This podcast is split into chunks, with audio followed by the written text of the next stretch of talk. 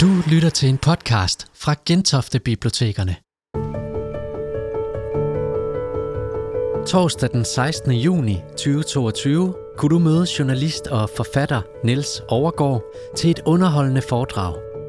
Her gav han en moderne og let tilgængelig introduktion til principperne i stoisk filosofi, og det var med udgangspunkt i sin egen bog Det hele handler ikke om dig. Velkommen til. Tak fordi øh, I vil komme. Det er jo også øh, virkelig dårligt vejr udenfor, så det er jo godt at øh, komme lidt indenfor og sidde lidt tæt sammen et par timer. Ja, jeg hedder jo Niels Overgaard, jeg er så øh, uddannet journalist og har så skrevet den der bog om, øh, om antik filosofi. Øh, og et eller andet sted øh, giver det jo ikke så meget mening, fordi det, det betyder, at jeg har ikke nogen faglig baggrund overhovedet for at skrive sådan en bog. Øh, når jeg alligevel øh, gjorde det, så er der jo øh, nogle forskellige grunde til det. Nogle af dem er indre, og nogle af dem er ydre. Øh, af indre grunde, så kan jeg jo nævne, at jeg jo selv har haft øh, brug for et eller andet, der kunne hjælpe mig til at finde, øh, finde lidt mere mening i min tilværelse. Både sådan generelt, men også sådan specifikt udløst af, at min far døde relativt pludseligt for, for 10 år siden, her i, i marts var det 10 år siden øh, som ligesom sender mod på sådan en søgen. Øh, så er der også en anden indre grund, og det er jo sådan rent ego-drevet, der når man uddanner uddannet journalist, så er det fordi, man også synes, man er enormt spændende selv. Øh, journalister er et enormt selvoptaget folkefærd, og jeg er ikke nogen undtagelse. Øh, og så tænker man, at man skal skrive en bog på et tidspunkt. Det har jeg i hvert fald altid tænkt. Så det, det hang ligesom meget godt sammen. Øh, når der også er en ydre grund, trods alt, og, og måske også grund til, at, at, at nogle af jer gider komme her i dag, så er det jo fordi, at, øh, at jeg ser i samfundet... Øh, sådan to helt enormt modsatrettede bevægelser inden over for de sidste 20-30 års tid, som øh, man kunne kalde dødens gab, hvis man var lidt polemistisk. Øh, polemisk hedder det. Og, øh, og den ene bevægelse, det er den i retning af stadig mere velstand, stadig mere tryghed, stadig mere frihed, stadig, stadig flere muligheder. Altså at være menneske i dag i dagens Danmark er jo simpelthen som at leve i civilisationernes beskyttede værksted. Det har aldrig været bedre. Øh, der har aldrig været mere, vi kunne gøre. Der har lige været noget corona, som satte en midlertidig stopper for alle vores muligheder, men det har jo været sådan, og er jo ved at være sådan igen, at man på sin telefon på et øjeblik kan bestille en rejse til de fjerneste steder i verden og betale den på kredit. Øh, de muligheder, som andre mennesker har kæmpet for hele livet og overhovedet aldrig nogensinde at opnå, det, dem, de kommer nærmest i fødselsgaven til alle fra middelklassen op efter i Danmark. Øh, der er som en helt enorm væld af muligheder for det moderne menneske. På den anden side er vi objektivt set, alle de objektive faktorer, så er vi rigere, tryggere, kriminaliteten er lav, vi lever længere.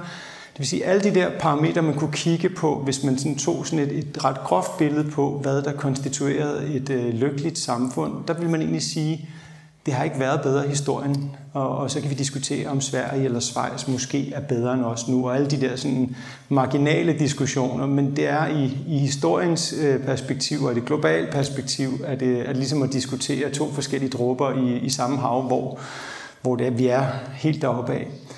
Og så er der jo, det er jo den, den positive graf i dødens grafen og den, den negative, det er jo så den med vores indre trivsel. Og øh, det er jo på en eller anden måde øh, noget af det mest sørgelige og vanvittige, øh, når man sådan ser det lidt udefra, at mens vi har alle de her ting, så ser det bare ud til, at vi indeni har det dårligere og dårligere på alle mulige parametre. Øh, det gælder både øh, os voksne og, øh, og de unge især, som, som, som er dem, der lider allermest. Og det er jo enormt paradoxalt og enormt sørgeligt på mange måder, hvis man ser det sådan i, i lidt historisk perspektiv. Vores forfædres generationer har knoklet på alle mulige forskellige måder, alle mulige meget utaknemmelige liv. Virkelig, når man tænker tilbage på sin egen slægt. Øh, jeg har en meget øh, jævn slægt på alle måder, og det, det liv, man levede som landarbejder i Danmark for et par hundrede år siden, det var jo ikke, ikke nogen dans på roser, og det var ikke lige noget med en lille sviptur til Thailand i januar for lige at få, få D-vitaminerne genoplevet. Det var jo bare hårdt arbejde, og så var det tidlig død. Jeg er sikker på, at de også havde det sjovt en gang imellem, men altså sådan, på de objektive kriterier, så var det hårdt arbejde tidligt død, og halvdelen af alle børn døde, inden de blev 6 år gamle. Øhm, sådan var det jo bare. Sådan er det stadig desværre andre steder i verden, men sådan var det også i Danmark for relativt nylig. Og så er vi så kommet hertil, hvor at jeg, som jeg ser det, blevet foræret den her øh, fuldstændig overflod. Altså, hvis man havde skrevet Bibelen lidt senere, så kunne det her måske minde en lille bitte smule om det paradis, der bliver beskrevet. Alt er her jo tilgængeligt for alle. Øh, og jeg ved godt, at der er mulige modifikationer, og selvfølgelig er der nogen, der har det objektivt set dårligt stadigvæk. Men lad os tale for den brede norm i Danmark, så har vi det jo virkelig, virkelig godt på de ydre parametre, og alligevel har vi det skidt. Øh, hvorfor er det så? Øh, jeg ved ikke om, eller jeg tror ikke, at der findes en absolut svar på det, men jeg har selv nogle overvejelser omkring det, som jeg vil dele med jer. Øh, jeg tror, at der er noget med, at øh, hvis man kigger på menneskeheden i det lange, lange, lange perspektiv, så har øh, alle civilisationer til alle tider, vi taler 100.000 eller 200.000 år, alt efter hvor langt man ligesom, øh, hvor tæt på aberne vi er, før vi trækker stregen og siger, nu bliver vi rigtige mennesker, så har alle civilisationer af sådan tænkende mennesker, de har opfundet guder. Der har været ting, vi ikke har kunne forklare, og så har vi ligesom opfundet noget til at lukke det videnskab, der var. Jeg forstår ikke, hvorfor der kommer jordskælv. Nå, det må jo være en eller anden skyld. Jeg forstår ikke, hvorfor der kommer torden. Det må være en eller anden, der rider rundt, eller en eller anden søvs, der sidder oppe på Olympen og kaster lyn ned, fordi han er træt af et eller andet hernede. Der må være en forklaring, og vi kan ikke forstå det med vores begrænsede teknologi. Øhm, og det lever vi så med i de der par 100.000 år. Alle mulige forskellige guder, og så forskellige civilisationer finder deres svar vi bliver mere og mere monoteistiske og alt det der, som, øh, som jeg egentlig ikke har særlig meget forstand på, andet end at det, det bliver vi jo så bare i vores kulturkreds i hvert fald. Og så sker der jo det øh, med den industrielle og, og videnskabelige revolution for 200-300 år siden, at vi begynder rent faktisk at kunne finde svar på mange af de ting, der var totalt black box for os før. Vi begynder simpelthen stille og roligt at afkode det, den naturvidenskab, vi går rundt i, men naturvidenskaben begynder vi at kunne afkode, ikke bare have sådan nogle filosofiske betragtninger eller nogle religiøse betragtninger, men begynder rent faktisk at kunne finde svar. Og i takt med, at vi bliver klogere og klogere og finder flere svære svar, så begynder der at komme sådan en modernitetsbegejstring, øh, men der kommer også en, en, en slagside af det, og, og Nietzsche var ham, der er mest berømt for at formulere, at Gud er død. Og Nietzsche var ikke sådan, som jeg tolker det, øh, det var ikke sådan et triumferende Gud er død. Det var faktisk, tror jeg, et lidt, et lidt øh, sentimentalt Gud er død. Fordi hvad har mennesket så, når det står tilbage med sig selv? Når vi selv har alle forklaringsmodellerne, hvad har vi så tilbage? Øh, ja, altså hvis man skulle se sådan lidt brutalt på det, så har vi første og anden verdenskrig som svar. Vi har atombomberne som svar. Øh, og, og vi har den tid, vi lever i nu. Altså, der, der er jo rigtig mange gode ting at sige om tid, men man må også bare sige, det er jo ikke fordi mennesket ligesom viser sig så at blive enormt rationelt og passe enormt godt på sig selv og sin egen art. Øh, nu er vi så i gang med, med samme teknologi, som startede der, og, og drive en systematisk udryddelse af den planet, som vi som den eneste, vi kan leve på lige nu. Øh, det er jo ikke sådan en, hvis man zoomer ud i det store mikroskop, det er ikke sådan en art, man vil sige var super super øh, intelligent eller selvkærlig i virkeligheden. Øhm, men det er, jo, det er jo så sådan, vi gør.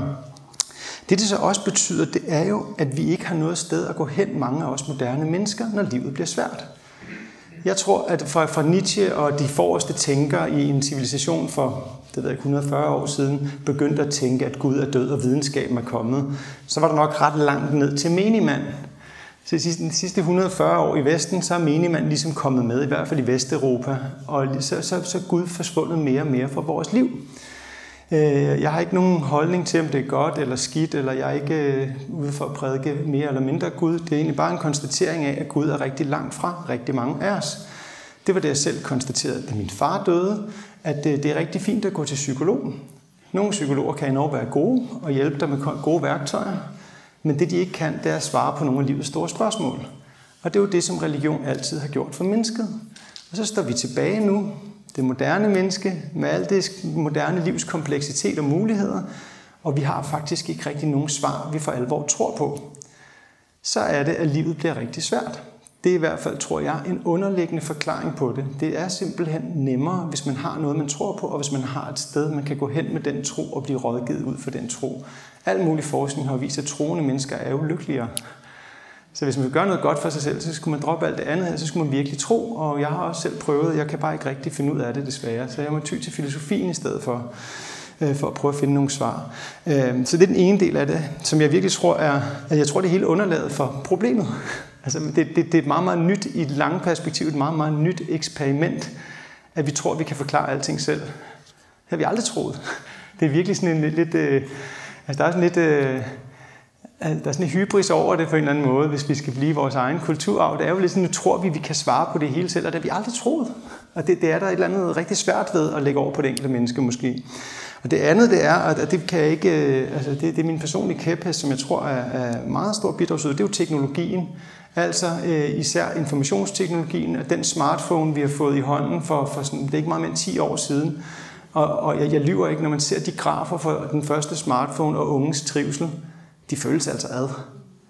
Altså, du ved, den, det, vi, jeg tror bare slet ikke, altså der er noget med det helt nære, det vi rent faktisk bruger vores tid og bevidsthed på, at det er blevet splittet til to steder hele tiden. Og nogen generation, der kun har vokset op i det, og aldrig har kendt den der analoge verden, som jeg kan se en del af os øh, trods alt kan huske eksisterede. Meget fordomsfuldt, jeg beklager. Men nogle af jer skal godt huske det der med, at at man skulle tænde og slukke fjernsynet, og faktisk skulle man gå helt hen til fjernsynet og sådan noget, ikke? og sort-hvid og alle mulige ting. Nå, men, men når man ligesom lever i to verdener hele tiden, og man ligesom har hele verden tilgængelig hele tiden, så kan det være rigtig være svært at være menneske. Det har aldrig været meningen. Det er i hvert fald ikke evolutionært, at vi ligesom skulle gøre alle mulige forskellige ting samtidig. Og lige nu har vi en hel generation, vi opdrager til ikke at gøre andet. Øh, så jeg, jeg tror i hvert fald for mig selv, så tror jeg, der ligesom er en, sådan en, måske en, religiøs eller en, en eller anden form for teologisk og eksistentiel forklaring underliggende, så tror jeg også, der er en teknologisk. Jeg tror, de to sådan, smelter sammen til noget, der er rigtig svært øh, at, at være i som menneske. Fordi i virkeligheden, så er alle dem, der er meget klogere end mig på det der med mennesket og udvikling, de siger jo, vi har jo ikke rigtig udviklet os sådan biologisk.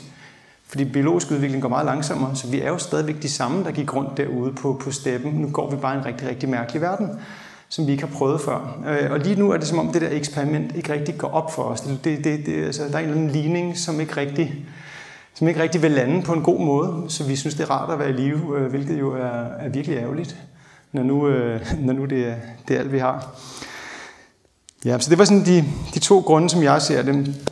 Øh, når jeg øh, selv begyndte at beskæftige mig med stoisk filosofi, så var det egentlig relativt tilfældigt. Det startede lidt med at søge mod filosofien, så læste jeg noget zen-buddhisme, så kunne jeg meget godt lide det, men endte med at synes, det var lidt for abstrakt for min øh, min øh, binære, øh, linære, vestlige hjerne rigtigt at måske tage ind og, og leve efter. Og, øh, og så, så begyndte jeg at læse lidt videre, og så stødte jeg så på den der filosofi, som på en måde var meget øh, direkte. Øh, når man læser de, de der gamle tekster i, i de nye oversættelser, det er jo enormt øh, direkte anvendeligt. Det, det, det lyder ligesom at tale med den der virkelig øh, søde, kloge onkel eller tante, som bare ved bedre.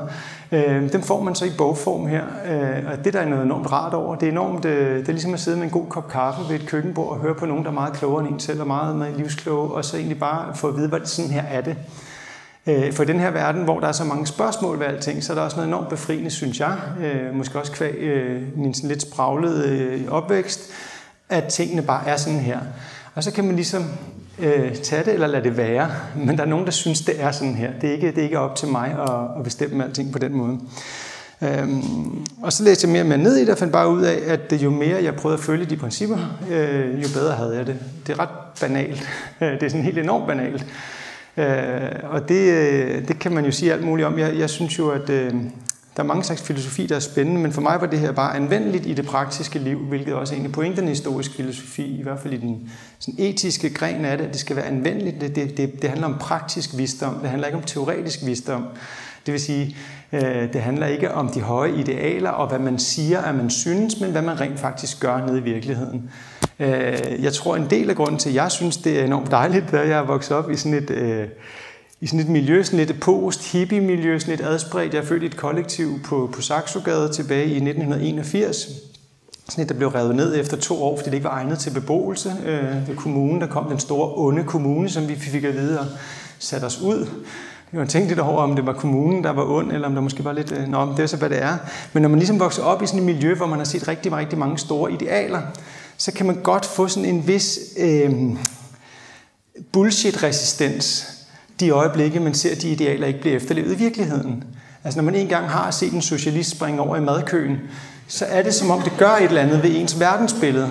Og det er ikke for at sige noget ondt om socialister. Det er bare for at sige, at alle, der har idealer, og så gør noget andet, så bliver al snakken om idealer, den har altid været for mig lidt svær at få greb om, fordi det er jo så uendelig nemt at sige det rigtige.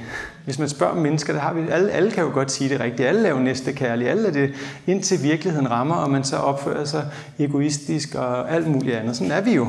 desværre. Øhm, men det gør jo så også, der er lidt at arbejde med, hvis man ser, hvis man ser positivt på det. Og jeg har i hvert fald selv masser. Øhm, den stoiske filosofi, jeg tror, en af grundene til, at den er blevet, den er blevet populær, det tror jeg også er, at, at det lyder som sund fornuft. Lidt ligesom jeg sagde før med det der ældre familiemedlem, som, som bare ved bedre. Når jeg tror, vi synes det i vores kultur, så tror jeg også, det skyldes, at det ligesom kommer fra kimen af vores kultur. Altså, at de idéer, som stoikerne gik med for over 2.000 år siden, de har været med til, at de er ligesom gået hele vejen op igennem. Det er, det er måske noget af råden af alt det, vi kommer af som sådan en vesten, øh, vestlig civilisation. Så, så jeg, tror, at, øh, jeg tror, det resonerer mere med os, end det vil gøre med en fra Kina eller fra Japan, hvor man har nogle andre kulturelle traditioner. Jeg, jeg tror simpelthen, en del af forklaringen er, hvis det lyder lidt banalt, så det er fordi, vi er opflasket med det hos os. Det vil ikke være banalt for alle mulige andre. Det er i hvert fald min egen lille lommeteori. Øh, I hvert fald så er det historisk filosofis øh, sådan, øh, idémæssige stamtræ. Det er tilbage til Sokrates 400-500 år før Kristus, som jo er den filosof, der i stedet for at gå, som, som det havde været normen på det tidspunkt, sådan være naturfilosof, altså gøre det, som naturvidenskaben blev bedre til et par tusind år senere, gå og kigge på verden og prøve at forstå, jamen, hvorfor vokser bladene ud, og altså, de sad og skar i dyr. De gjorde jo alle de ting, som man ville gøre, hvis man var et i dag meget intelligent barn, og gik og stillede spørgsmålstegn ved verden med, med meget, meget simple midler. Øh, det, som Sokrates får æren for, i hvert fald hvis vi tager sådan de brede træskolængder, det er jo at være den filosof, der vendte blikket oppe fra skyerne og ned mod jorden, og ligesom sagde, hvordan er det egentlig, vi lever? Hvorfor er det, vi gør, som vi gør? Hvorfor gør jeg, som jeg gør? Hvorfor gør du, som du gør? Hvorfor gør vi, som vi gør som civilisation? Det er da egentlig mærkeligt. Kan du forklare mig det? Og han var jo så øh, god til at stille irriterende spørgsmål, at han til sidst blev slået ihjel for det. Øh, og det er jo alligevel, så kan man sit kram. Øh, men han udstiller jo gang på gang, som de der Platons dialoger viser, han udstiller jo gang på gang, at folk ikke aner, hvad de taler om. Og det bliver man jo træt af på et eller andet tidspunkt. Men hvorfor synes du det? Jamen, fordi det er det gode. Jamen, prøv at definere det gode for mig. Jamen, det er jo så, hvis man gør det. Og så fandt han jo altid en eller anden måde at pille folk fra hinanden på. Så han havde talt med dem en halv time, så kunne man høre, at de var endnu mere forvirrede, end de var til at starte med. Øh, så hans lektie var jo egentlig bare, at vi må, vi må prøve at forstå verden. Det var den første regel. Det andet, han ligesom også øh, står for, som, som i hvert fald stoikerne sådan kanoniserede ham op til at stå for, det var jo, og, altså, det var, det var både noget visdom, men det var også noget med sine meningers mod. Han synes jo, at hans meninger var meget vigtigere end hans eget liv. Hvis man har læst eller hørt hans, øh, hans forsvarstale, da han så bliver anklaget for og, og, og senere dømt til døden, så kan man jo se, at han kan jo i virkeligheden sagtens tale sig ud af den, hvis han ville. Han kunne godt være sluppet af sted øh, med et eksil et eller andet sted og fået konen og børnene med. Men det var han da slet ikke interesseret i, for det har man interesseret i at stå for det, han nogle gange stod for, og så må man ligesom tage de konsekvenser, der er. Øh, og det er der jo noget meget befriende over, øh, og, og, og noget meget rent over, i hvert fald sådan i legenden. Man kan jo altid øh, stille spørgsmålstegn sådan rent øh, historiekritisk til alle de der legender, men det er i hvert fald den legende, vi har fået overlevet, den legende, som historikerne også kanoniserede ham op til. Der er en af, hans, en af Sokrates, nå, det er vel tilbage historikerne, en af Sokrates lærermester stifter den skole, der bliver kaldt den kyniske skole. Øh, kynisk har jo et begreb på dansk, og på oldgræsk betød det egentlig bare hund. Det var hundeskolen, det var fordi, de, de levede næsten som hunde. De, de, de, de, de tog ligesom den, den lange konklusion af, af Sokrates' øh, konklusion, at vi ikke forstår, hvorfor vi lever, som vi gør. Så de valgte ligesom bare at sige, at alle samfundets normer, det tæller ikke for os. Vi lever i pagt med naturen og gør, som vi vil. I kan gøre, som I vil. Vi gør, som vi vil.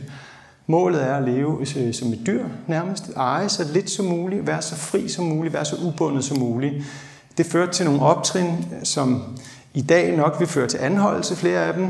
Øh, hvis man ligesom synes, det er sjovt at, for at provokere borgerskabet og stå og onanere foran dem på gaden, som sådan en hjemløs i en tønde, det ville være... Øh, det ville nok være ansvarspådragende i en eller anden retslig forstand. Øhm, men det, det var altså nogle af de ting, de gjorde. Men, øh, men som I kan høre, var det sådan lidt radikal filosofi, der ligesom sagde, okay, hvis, so, hvis det virkelig er rigtigt, det Sokrates siger, så må den sådan ekstreme konsekvens af det, det må være, at man skal leve sådan her. Man skal ikke eje noget, man skal være fuldstændig fri af alle, alle samfundets normer. Øh, I så et møde kommer der en, en gut fra, fra Kyberen, der hedder Zenon, som så øh, møder de der øh, filosofer, og så tænker han, det, det lyder rigtig godt, rigtig spændende. Mm. Skal vi skrue lidt på volumenknappen, øh, måske bare ned til 5 øh, på den her og så sige, hvis vi nu siger, at alle principperne er rigtige, ja, vi skal ikke være afhængige af materiel gods, ja, vi skal stå inden for det, vi tror på, ja, vi skal leve i pagt med naturen, men vi kan godt gøre det inden for sådan normerne af det samfund, vi nu engang lever i, så man ikke behøver at forkaste alle sine egen del af sin familie, for ligesom at blive en del af det her fællesskab så sker der jo lige pludselig noget med en filosofis øh, marketingpotentiale, for nu at bruge moderne ord. Øh, det er jo simpelthen noget, som er lidt nemmere at forholde sig til for andre mennesker. Så kan man godt forkaste døden, uden at være fuldstændig ligeglad med, om man lever eller dør. Man kan godt øh, forkaste ejendele, uden at smade sine ting ud af vinduet og sætte til sit hus. Øh, og det, det fører sig til den stoiske filosofi. Den, øh, det er omkring 300 år før Kristus.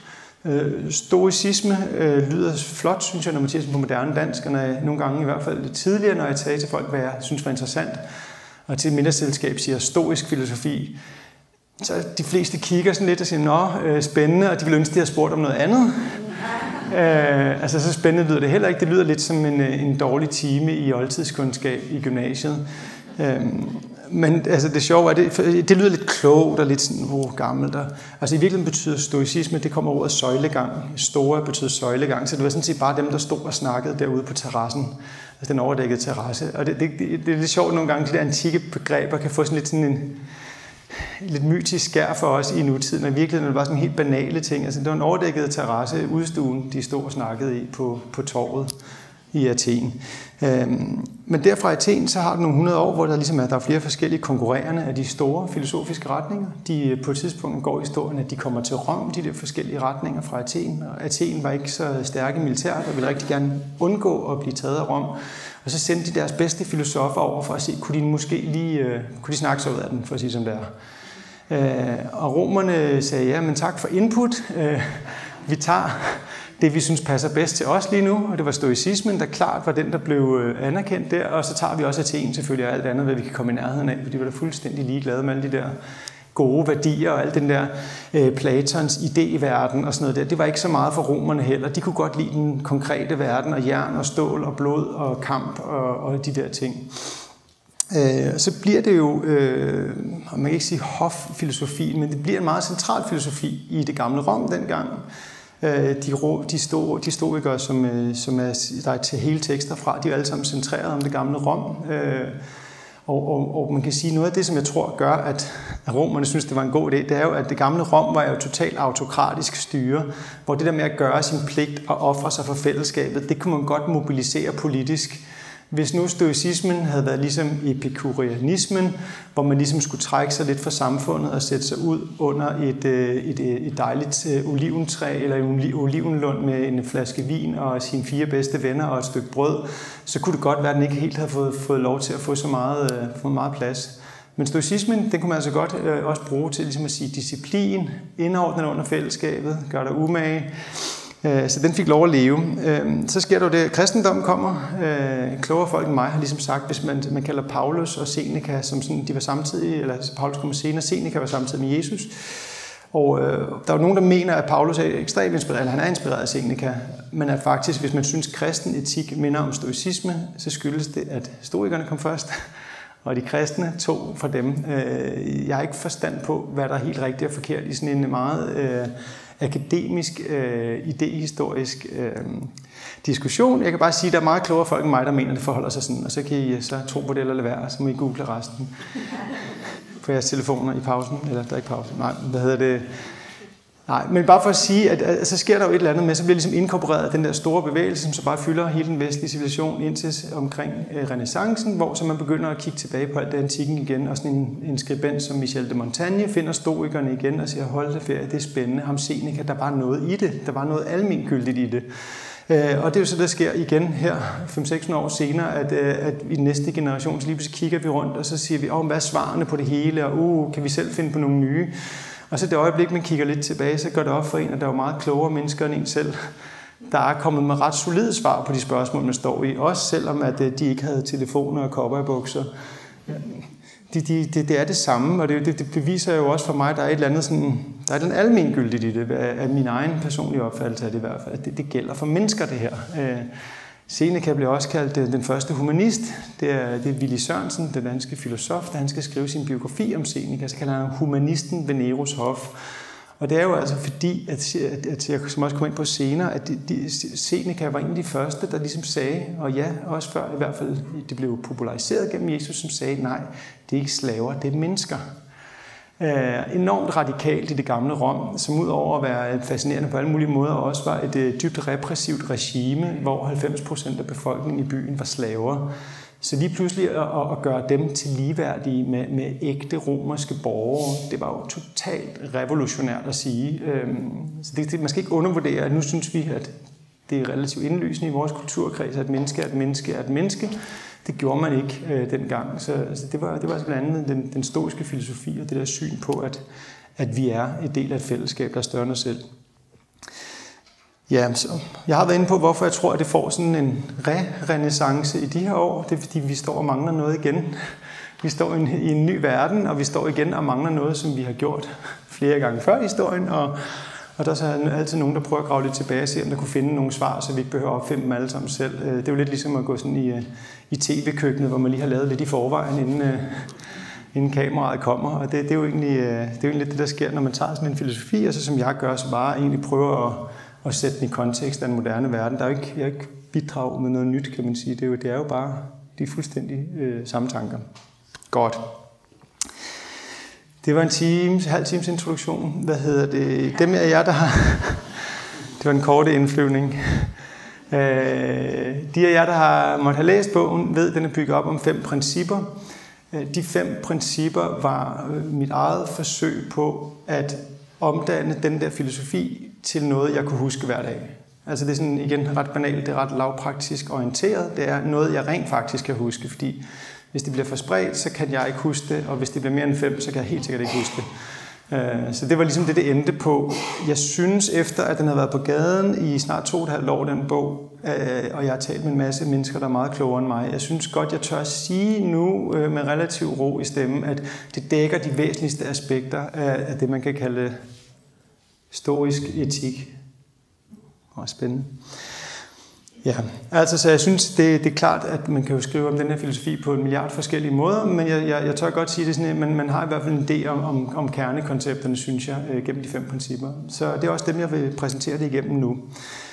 Jeg tænker, at hvis I har spørgsmål, så er I meget velkommen til at række hånden op. Øh, jeg tror sagtens, at, øh, at folk kan høre jer, og jeg skal nok gentage spørgsmålet, så, så i hvert fald sikre, at alle kan høre det, og, øh, og podcasten også får det med.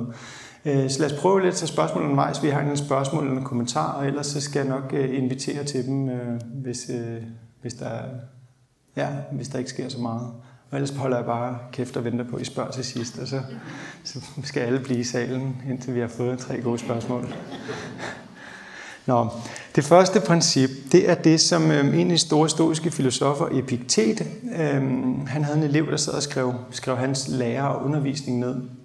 På et tidspunkt så prøver han i øh, det, man kan i moderne sprog måske vil kalde punktopstilling, og ligesom opsummere øh, den der mesters øh, filosofi i, øh, i sådan, jeg tror det er 53 punkter. Det er lige, jeg vil lige genudgive dem faktisk på People's Press under navnet Stoiske leveregler.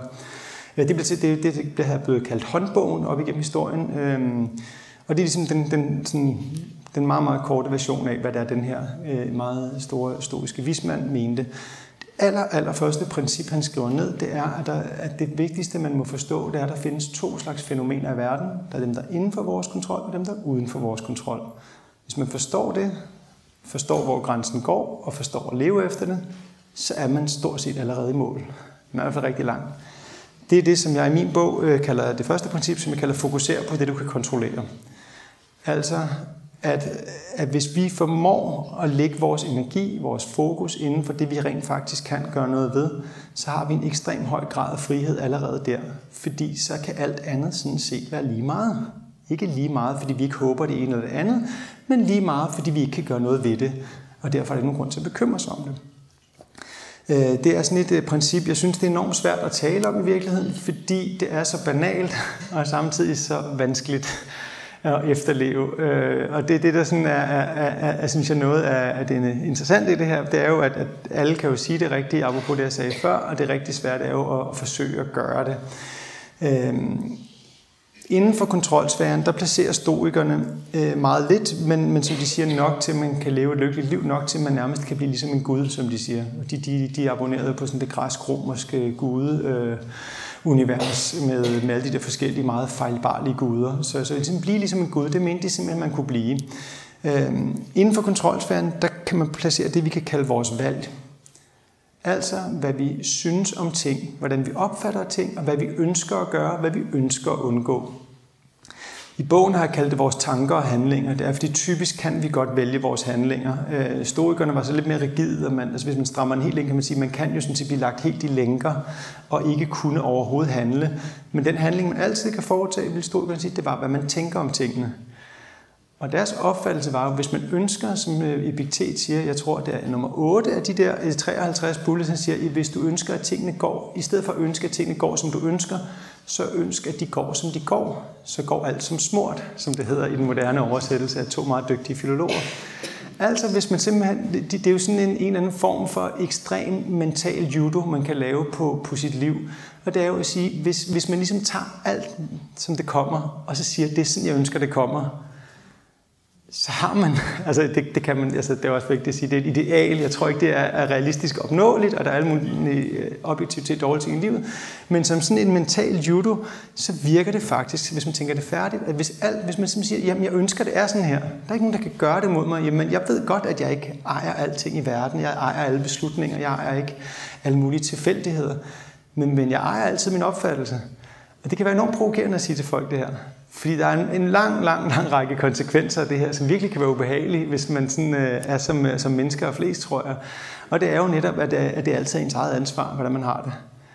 Og det tror jeg også er for ekstremt at sige, og jeg er helt med på, at der findes psykiske lidelser, der findes objektive ulykker, alle mulige ting. Men sådan som hovedregel, man har altid selv ansvaret.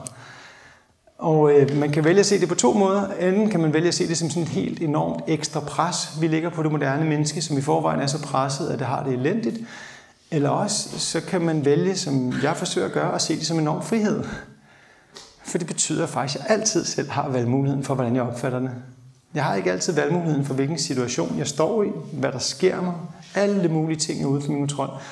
Men hvis jeg ligesom påtager mig den, så er man jo, og det lyder lidt megalomant, og det er det måske også, det kan vi altid diskutere. Jeg ved ikke, om der er nogen freudianere til stede, eller det kan vi tage, tage en anden dag, men altså, du ved, men så er man jo lidt som en Gud.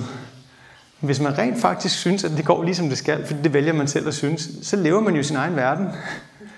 Og det er jo ikke, fordi man skal være ligeglad med andre. Det kommer også ind på senere øh, overhovedet. Tværtimod, det ville stoikerne være, være de første til at sige, at man ikke skulle.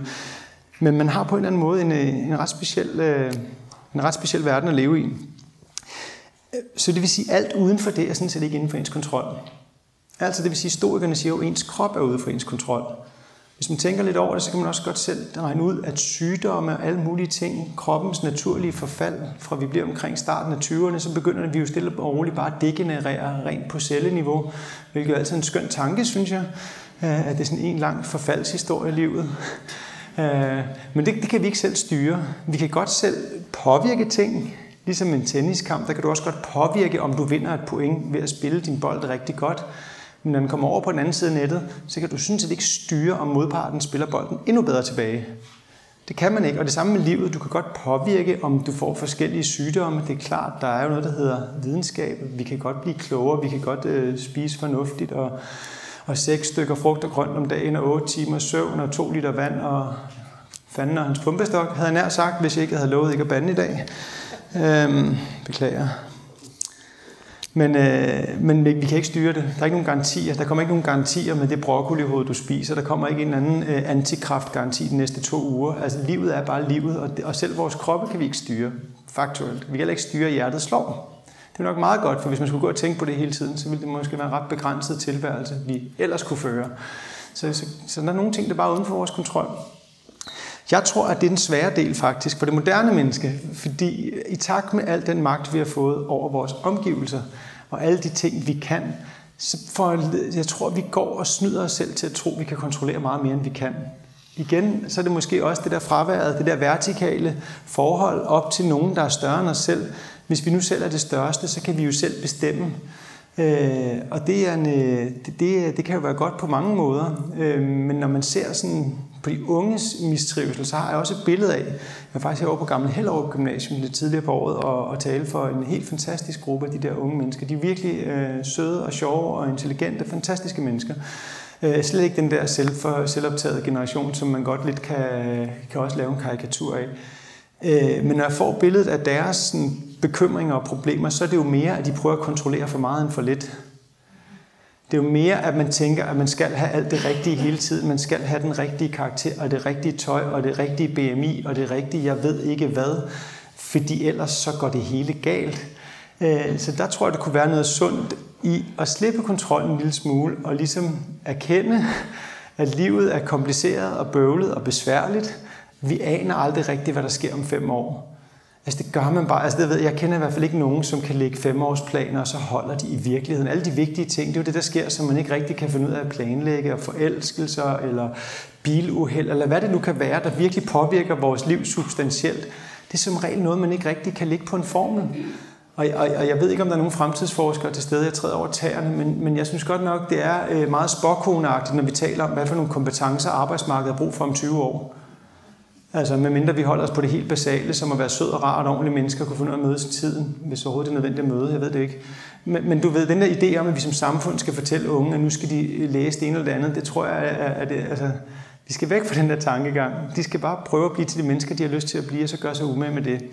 Men det kræver et kontroltab, fordi man vil rigtig gerne have den rigtige eksamen, og så den rigtige uddannelse, så den rigtige praktikplads, og så den rigtige job, og så kører vi ligesom afsted. Øh, og det, det, det, det kan være svært, hvis man tror, at man selv har ansvaret for at kontrollere alt det, og hvis man selv ejer udfaldet. Det er så den næste del af det. Hvis man lever på den måde, så, så siger stoikerne jo, at, at man kan se sit liv lidt som en... Øh, at, at skæbnen, de kaldte det skæbnen, de troede jo på den der den græske tanke om, at at skæbnen spændt tråde hele tiden, og det var ligesom det liv, man levede. Øh, altså i sådan en konkret forstand i den der mytologiske verden i hvert fald. Øh, og, og jeg selv kan jeg bedre lide sådan, jeg, jeg betragter mig selv som, jeg forsøger i hvert fald at være relativt rationel, når jeg tænker. Det, gør jeg, det, det er svært, når jeg handler sikkert. Øh, nej, men jeg kan godt bedre lide kalde det tilfældet. Altså, så hvis man erstatter skæbnen eller Gud med tilfældet, så, så synes jeg, man er meget nok tæt på. De samler skæbnen med den her vogn, Altså sådan en gammeldags øh, hestevognsagtig lignende ting, der kører ned af en bakke, relativt hurtigt måske. Øh, man, er, man er bundet til sin skæbne med et, øh, med et reb om halsen. Øh, og den der vogn, den er altså for tung, til du kan ændre dens forløb. Så det er ikke sådan, at man lige kan tænke, ah, så gør jeg lige sådan der. Ah, Jamen, den, den, den kører bare. Og så har du to valgmuligheder, som stoikerne siger. Du kan enten lade dig slæbe efter den, eller du kan løbe ved siden af den, velvilligt med et løst reb. Og, øh, og det synes jeg er et meget godt billede på det der igen, det der mentale judo, at man ligesom i stedet for at sige, at når det er som det er, det er vildt ærgerligt, og jeg hader det, så synes siger, at det er som det er. Måske endda elsker det, men i hvert fald, jeg vælger at sige det sådan det er, og jeg går med det. Det er jo også lang tid før Shakespeare, så er det også Epiktet, som siger, at, øh, at du skal opfatte dig selv som skuespiller i et stykke. Det er ikke op til dig at bestemme stykket, eller hvad for en rolle du har, eller hvor lang din rolle er. Det er op til dig at spille din rolle så godt du kan. Eller så man kan sige det med sådan et andet moderne begreb at sige, altså du, du har ligesom nogle kort på hånden her i livets kortspil. Og når man enhver, der har prøvet at spille kort, ved jo, at nogle gange har man gode kort, nogle gange har man dårlige kort, det går lidt op og ned. Og den opgave, man så har, den som opgave, som stoikerne siger, man ikke må svigte over for sig selv, det er jo så at prøve at spille de kort, man har så godt som muligt. Man kender jo ikke den andens kort, man kender jo ikke alle mulige tilfældigheder i sådan et kortspil, men man har et ansvar for lige præcis de kort, man har, og gøre sig umage med dem. Og det tror jeg vil være en mere frugtbar måde for, for mange, både unge og ældre, at tænke på livet på den måde, end at tænke, at det er en eller anden kamp om at kontrollere mest muligt. Fordi, fordi vi mennesker, vi er ikke almægtige, og det tror jeg egentlig er meget sundt, fordi jo, jo mere sådan teknologisk kraft vi har fået, jo mere har vi ødelagt, kan man sige. Øh, så, så jeg tror egentlig meget godt, så længe vi ikke er almægtige. Den dag teknologien ligesom får os derhen, så går der nok ikke fem minutter, før en eller anden ødelægger hele planeten. Øh, der er en fremskrivning af, af vores hidtidige adfærd. Det lyder lidt pessimistisk. Vi kan jo håbe, at det ikke sker, mens vi, mens vi står her. Nå, men så princip 1, det er det med at fokusere på det, man kan kontrollere. Det, det smarte ved det er jo, at der hele tiden er, altså, der er jo hele tiden ting, man gerne vil have var anderledes. Jeg er selv sådan en, der altid kommer for sent ud af døren. Og jeg gør det hver dag. Jeg har gjort det i går morges, og jeg gjorde det i morges. Og da jeg skulle inden for arbejde herud, så gjorde jeg det sørme også. Så jeg kom gående ned, jeg ved ikke, om der så jeg mig ankom helt svedig med to tasker, fordi jeg skulle gå 16 minutter ned fra stationen i det der bagende sol. Og så har jeg ligesom to valgmuligheder. Det meste af mit liv, så ville jeg have gået og slået mig selv i hovedet med, ej, hvor du dum, du lærer aldrig. Ej, hvor du dum, du lærer aldrig. Nu er det bare sådan, nå, nu sveder jeg. Men så må jeg jo bede om et ekstra glas vand, og så må jeg sætte mig udenfor i skyggen. Altså, du ved, som vores øh, store leder, Mette Frederiksen, siger, lev med det. Øh, og, og det gælder jo også med sig selv man må jo også leve med sig selv. Det er sådan øh, noget af det, som jeg også synes er konsekvensen af det. Fordi nu, nu har jeg jo ligesom truffet de valg. Det er ligesom i fortiden, det der med, at jeg ikke kunne finde ud af at gå fra arbejde i ordentlig tid, fordi jeg altid lige synes, der er et eller andet, jeg skal. Øh, så må jeg jo ligesom bare leve med, at jeg står her og småsveder lidt, og så håber jeg, at der er afstand nok til, at det kun generer mig. Øhm, jeg kan ikke gøre så meget andet ved det. Øh, jeg kommer ikke til at aflyse på grund af det. Det kan man jo også, fordi så er det jo også der, hvor man ligesom påtager sig konsekvensen af sin valg. Jeg siger, nej, okay, det er ikke så slemt, at jeg tænker med aflys, vel? Nej, okay, nå, så har jeg ligesom valgt at være. Så må jeg ligesom prøve at få det bedste ud af det. Øh, jeg har det jo også med, med venner. Øh, jeg har brugt det eksempel før, hvis nogen har hørt mig tale før, men jeg, kan bare ikke, jeg synes, det er så godt et eksempel, jeg kan ikke lade være at bruge det hver gang. Men det er jo det der med, hvis jeg snakker med folk, der er trætte af deres job, så vil jeg rigtig gerne høre om det første gang. Det vil jeg. Altså, det er også virkelig irriterende. Det er også dumt at have en dum chef og et eller andet. Tre måneder efter, når der ikke er sket noget, så begynder jeg at blive sådan lidt, øh, lidt restløs og sige, okay, nå, men så skal du gøre noget. Ah, men det kan jeg heller ikke lige nu, og det er også lige, jamen, øhm, hvor, altså, det, det, det, altså alt det der, det tror man ikke på længere, når man begynder at, at ligesom internalisere den måde at se verden på, fordi du har altid et valg. Du vælger at blive. Du vælger at stå op på arbejde derhen om morgenen, fordi du godt kan lide det. Du trods alt får ud af det, nemlig enten om det er lønnen, eller dit CV, eller sikkerheden, eller muligheden for at have noget at brokse over. Jeg ved ikke, hvad du godt kan lide ved det, men det er dig selv, der står op om morgenen og tager dig hen. Det, der skræmmer mennesket, det er jo, det ser jo også Kirkegaard ind på noget det samme senere, det er jo ikke, det er jo ikke at, at, vi har, altså, at vi ikke har nogen valg. Den er vi fundet ud af, hvor mange valgmuligheder vi egentlig har. Og når vi egentlig ser i øjnene, at alt det, vi vælger at gøre, det er faktisk noget, vi selv vælger. Jamen, jeg er jo nødt til at tage til min familiefødselsdag. Det ved jeg ikke. Altså, jo, det er en norm, og der er nogle forventninger, men det er jo sådan set dit valg. Så kan du vælge, om du vil leve konsekvenserne af at tage dig hen, eller leve med konsekvenserne af at lade være. Men det vi gør, hvor vi gør os selv rigtig ulykkelige, det er jo, at vi laver den der, hvor vi lever i mellemzonen. Hvor vi gør det uden at gøre det, eller hvor vi gør det, mens vi fortryder, at vi gør det. Hvor vi gør det, og vi ærger os over, at vi er der. Og der vil den stoiske vej ligesom sige, nu er jeg der, så må man ligesom få det bedste ud af det den tid, man er der. Og så kan det godt være, at man begynder at kigge på, og de pludselig siger, uh, der var en krise på arbejde, eller hvad man nu finder på for at komme ud af det. Øh, men når man er der, så er man der. Og når man er på et arbejde, så er man der. Selvfølgelig kan man godt brokke sig lidt over en eller anden periode, men langt de fleste mennesker, jeg kender, er så privilegerede, at de har masser af muligheder i livet. Det er ikke dem, som er nødsaget til at arbejde som rengøringspersonale ude i Københavns Lufthavn kl. 4 om morgenen for at forsørge fire børn eller et eller andet. Øh, langt, langt de fleste øh, har valgmuligheder, og vi kan ikke lide det, for det er skide irriterende. For det betyder, at man selv har ansvaret. Og det er jo meget sjovere at gøre det til nogle andres skyld. Øh, det er det bare, øh, fordi så, så er det jo ikke en selv, der er noget galt med. Og der er heller ikke noget, noget galt med en selv. Det er jo sådan en anden del af det der liv med det. Det er jo, at livet er jo bøvl og besvær og ubehag. Det er det. Man er aldrig blevet lovet andet end det. Buddhisterne siger jo bare, at eksistensen er lidelse. Og jeg synes ikke, der er noget, som jeg ligesom kan se objektivt set med sådan helt rationelle briller på. Der er der ikke andet at se, så kan vi jo prøve at få nogle dejlige oplevelser undervejs. Men ellers det eneste, man er blevet lovet, det er døden. Jeg kommer tilbage til lidt senere. Det er jo det eneste, vi er blevet lovet med det her liv. Jeg tror ikke på det der med Gud, og at vi er blevet lovet kærlighed og sådan noget. Jeg tror, hvis vi er heldige, får vi det. Hvis vi er heldige, får mulighed for at give det. Men vi har altså ikke lovet noget. Og, og sådan en, en sådan relativt, synes jeg, øh, solid evidens for, for den sådan statement rent logisk, det er jo, at der hele tiden sker enormt dårlige ting for mennesker, der ikke har fortjent det. Altså der sekund bliver der jo født børn i flygtningelejre rundt omkring i verden, som kommer til at leve korte, øh, forfærdeligt smertefulde liv. Der er hele tiden mennesker, som ingen som helst objektiv grund har til at skulle lide, der lider så kan vi heller ikke sige, at vores lidelse ligesom er en fejl i styresystemet. Nej, det, det er faktisk en del af den pakke, vi har fået. Og som Epiktet siger på et tidspunkt, hvis ikke du kan lide de vilkår, den her eksistens lever under, så findes løsningen lige der for enden af dit håndled. Og det er meget radikalt, at jeg vil ikke opfordre nogen til at begå selvmord, og du ved, søg øh, læge og psykolog og alle de der ting. Det er jo ikke fordi, jeg siger, at jeg laver sjov med selvmord, som om at vi bare skal gøre det, men det er jo bare den der ekstreme konsekvens af den siger, du vælger at være hvert sekund. Det var det, Camus også sagde.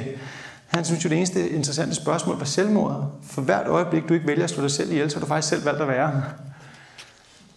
Det giver bare et andet perspektiv på livet, især på de besværlige ting i livet, at sige, jeg vælger faktisk selv at være her. Og jeg synes jo ikke, man skal slå sig selv ihjel, fordi man har en dårlig dag på arbejde, eller fordi det er mandag morgen, og man har lidt ondt i maven, eller et eller andet. Men du ved, jeg synes, jeg kan godt lide tanken, for det giver jo en frihed faktisk. Ikke? Så har man jo faktisk selv valgt at være. Så er man lidt mindre slave, end man, man kan gå og gøre sig selv til. Så det første princip, det var, det er det med at fokusere på det, man kan kontrollere. Er der nogen øh, spørgsmål, kommentarer? Ja. Ej, hvor dejligt. Mener du, at man som menneske skal øh, lade være med at altså holde sig fra at give gode råd? Altså, jeg har tre børn og fem børn, og jeg elsker gode råd. Jeg kun. Altså, jeg bliver spurgt om, bare lige for, for, for lydens skyld her, og hvis der skulle sidde nogen, der kunne høre det. Mener jeg, at man som menneske skal holde sig fra at, øh, at give gode råd til andre? Øhm, øhm, ja. øh, forstået på den måde, og det er faktisk ikke så meget øh, på grund af stoisk filosofi. Jeg læste sådan en bog, øh, jeg tror den hedder Hjernesmart Ledelse, hvor øh, en, der hedder Nette Prehn, der har skrevet om, hvordan hjernen rent faktisk fungerer. Og det hun ligesom øh, sandsynliggør i den bog, det er, at hvis der er én ting, mennesker altid responderer dårligt på øhm, følelsesmæssigt, så er det at få uaffordret god råd. Øh, og jeg har selv prøvet at tage den til mig, og jeg har selv prøvet at observere den, og det er faktisk rigtig, rigtig sjældent, at man, at man tænker fedt.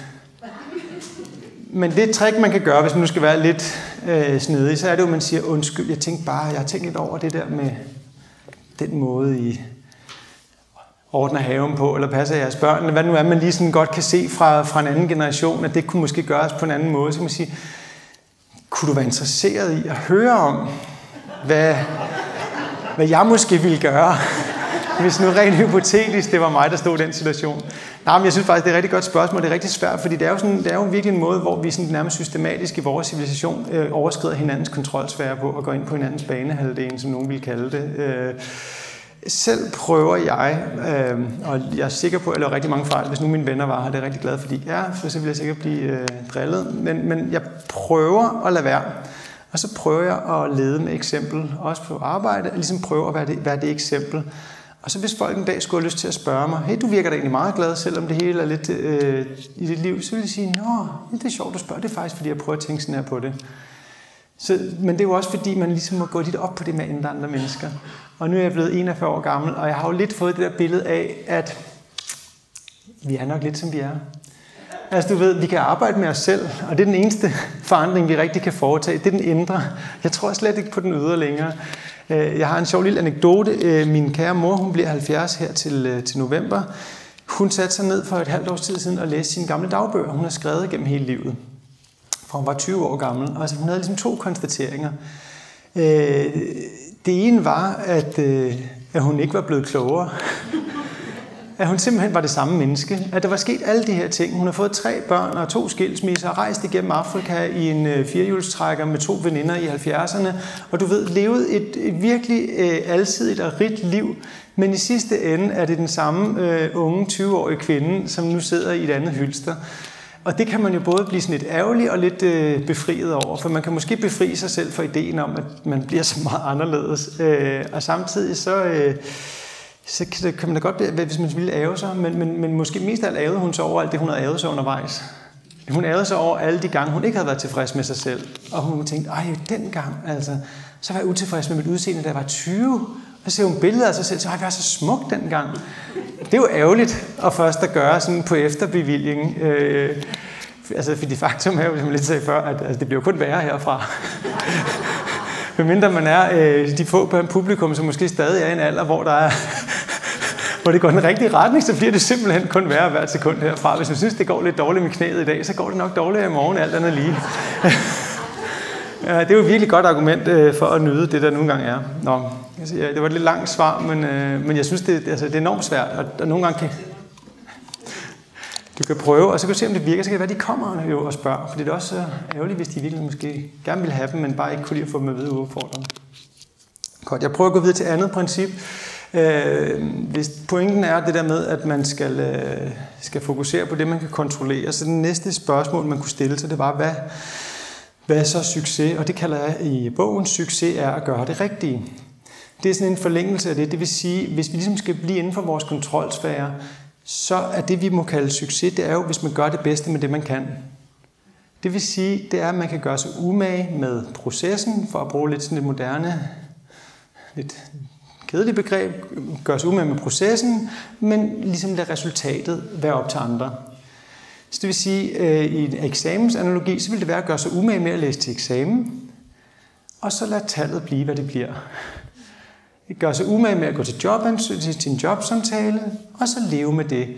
Øh, og det, er, det kan være en enormt befriende måde at være i verden på, øh, fordi det, er lige jeg forestiller mig tit situationen, hvis man, hvis man sidder og bliver fyret, det kan ske for alle i erhvervslivet når som helst, det kan jo altid være en mulighed, der er jo altid nedskæringsrunder og budget og et eller andet, eller en eller anden idiotisk chef eller organisationsændringer. Der er altid et eller andet, der kan gøre, at noget, som objektivt set ikke nødvendigvis har noget med en selv at gøre, gør, at man en dag øh, bliver fyret. Hvis man ligesom er gået på arbejde hver dag og har haft det ondt i maven over, at man måske bliver fyret, og hvad nu chefen synes, og et eller andet, og gået og brugt enormt meget energi på at være bekymret over, om der måske en dag kunne ske noget, så er min tese jo, at man ikke har leveret det bedste, man kunne på arbejde typisk. Og så er det, at man kan tage det som et enormt chok og blive enormt irriteret og enormt frustreret, når man bliver fyret. Hvis man nu i stedet for at gå på arbejde tænkte, prøv at høre, der er alle mulige ting, der er uden for min kontrol hele tiden. Om mit hjerte slår, og om bussen kører til tiden, og om hvordan vejret er. Det er også uden for min kontrol, om jeg en dag bliver fyret. Men det, der er inden for min kontrol, det er, om jeg møder op, om, op på arbejde om morgenen til tiden med en god attitude, om jeg gør mig umage med de opgaver, der nogle gange ligger på mit bord, og så er det jo typisk, at resultatet plejer at blive rigtig godt, hvis man arbejder på den måde. Øh, vi er en hel generation, og der tager jeg mig selv med. Jeg tror også, at der er generationer yngre end mig, øh, der kan genkende det, som ligesom er opfostret i den der mere, mere, mere kultur. Altså, jeg, jeg arbejder på et tidspunkt i den københavnske hjemmepleje. Øh, jeg kommer hos en rigtig rar gammel dame, øh, der hedder Grete Møller. Øh, og hun fik jo en kontorelevplads som 15-årig, og havde den de næste 50 år, til hun gik på pension. Og det var jo et godt liv for hende. Altså, der var ikke nogen... Det var ikke, fordi hun var et eller andet uinteressant menneske, eller andet. det var bare ligesom, det var sådan, det var. Det var de var jo søde og rare, der var ikke, der var ikke nogen, der, der gjorde noget ubehageligt ved hende. Det var jo et godt og fint liv. Sådan er vi jo bare slet ikke i dag. I dag handler det hele tiden om det næste skridt, og man kan jo sidde en gang var CV, også det der, man afleverede hos en fysisk form, og nu kan man jo sidde på LinkedIn og følge med i, hvad alle mulige, men dårligt nok ved, hvem er, for at bitte små forfremmelser, der ligesom bliver udskrevet til at være til at være et valg til, til det amerikanske kongres eller et eller andet. Formand for, for Grundejerforeningen i Sønderbøvelse. Nej, men så kan man sidde og kigge på det, og så kan man hele tiden tænke, lige meget hvad man selv har, så kan man tænke, det ikke er godt nok, fordi jeg vil noget mere. Man kan også, øh, jeg synes lidt, at, at som jeg ser lidt mit eget liv, sådan, når jeg kigger bagud, og også øh, nogle gange nu, så, så ser jeg lidt det der med, at, at man lever sådan fra tinde til tinde. På et tidspunkt, så jeg var meget øh, doven og ustruktureret i gymnasiet, og fuldstændig ikke øh, læringsparat, tror jeg det hedder med moderne begreb, øh, hvilket resultaterne blev der efter, min oplevelse blev der efter. Øh, så det vil sige, at jeg skulle ind på en videregående uddannelse, så var det lidt faktisk svært for mig at finde ud af, hvad man kunne gøre. Og så var der det, der hed journalistik, hvor man ikke behøvede gennemsnit, man kunne gå til prøver. Det, kunne, det var det, jeg tænkte, det var en god idé. Øhm, og så prøvede jeg i flere omgange at komme ind, og kom ikke ind i første omgang, og kom kun næsten ind i anden omgang på sådan en standby-plads, så jeg skulle vente et år. Så jeg var jo bare lykkelig Jeg tænkte, hvis jeg kommer ind på en journalistuddannelse, så bliver jeg lykkelig. Så kan man få et pressekort, man kan melde sig ind i Dansk Journalistforbund for en pressekort. Det var ligesom det største. Det var ligesom beviset på, at man er bare mega intelligent og spændende, og man kan bare komme ind alle steder med det der pressekort, hvilket jo øh, alle tingene er, er løgn i, i den sætning. Øhm, ja. Men lige snart jeg kom ind, så var det jo sådan, Gud, nu er der snart eksamener. Der er eksamener i første semester. Det er december. Er nu klog nok? Den skal jeg bestå. Når jeg består dem, så bliver det godt. Og så kommer man, så består man dem. Og så næste, puh, nu kommer det der tv-semester, der er så vigtigt. Der skal jeg bare, ej, der skal jeg have en god karakter. Og sådan fortsætter det. Så skal man have en god praktikplads. Så når man er færdig med det, så skal man have lavet et godt bachelorprojekt, der skal have 12, og så fik jeg kun 7 på den nye skala, og jeg var rasende i dagevis, for jeg synes, det var helt fantastisk. Jeg var ugevis, jeg ved ikke, månedsvis, jeg ved ikke, længe to. Og så skal man have et fast arbejde, og selvom jeg fik et fast arbejde, så var det sådan, åh, det er fint nok til mig, det her arbejde. Jeg er, jo, jeg er jo skabt til noget større end bare at have sådan et arbejde. Og vi taler altså seriøst, jeg blev ansat i, i, i efteråret 2008, altså lige efter finans, altså vi stod midt i finanskrisen, og jeg fik tilbudt et fast arbejde, og jeg var sådan lidt, ah, skal jeg tage det, eller er jeg lidt for fin til... Jeg er lige lidt måske en fine ende til bare at arbejde som nyhedsjournalist. Jeg er jo skabt til, til noget større. Og så er man der som nyhedsjournalist, og jeg var lykkelig over, at jeg har et fast arbejde, og der er mange af de andre, der ikke har et fast arbejde. De er nødt til at læse videre. Ej, hvor kedeligt og hvor fedt. I sådan omkring et, to-tre måneder, så begynder man at kigge på sin chef og sige, hmm, det går måske lidt langsomt deroppe foran i bussen. Jeg tror, jeg er klar til flere udfordringer. Og jeg taler om mig selv nu rigtig altid konkret, og jeg tror måske andre kan genkende dynamikken i hvert fald. Det kan godt være, at jeg er lidt i den ekstreme ende, men så, så skulle jeg ligesom forfremme, så, så jeg været der, og ikke synes, de er hurtigt nok, men næste forfremme, så skulle jeg over i en anden branche, og det ene og det andet, indtil min far heldigvis døde. Han er sagt ikke, fordi det var heldigt, han døde, men fordi jeg så fik jeg ligesom sådan et, okay, hvad fanden er det, du laver? Øh, en mulighed for ligesom at stoppe op og gå ned med stress og alle de der ting. her. I virkeligheden synes jeg, jo, det der med at gå ned med stress er et forkert begreb, fordi man går jo joggingtøj med stress. Man går jo ikke sådan fysisk ned, man går jo rundt og, han ligner en eller anden en sumper. Nå.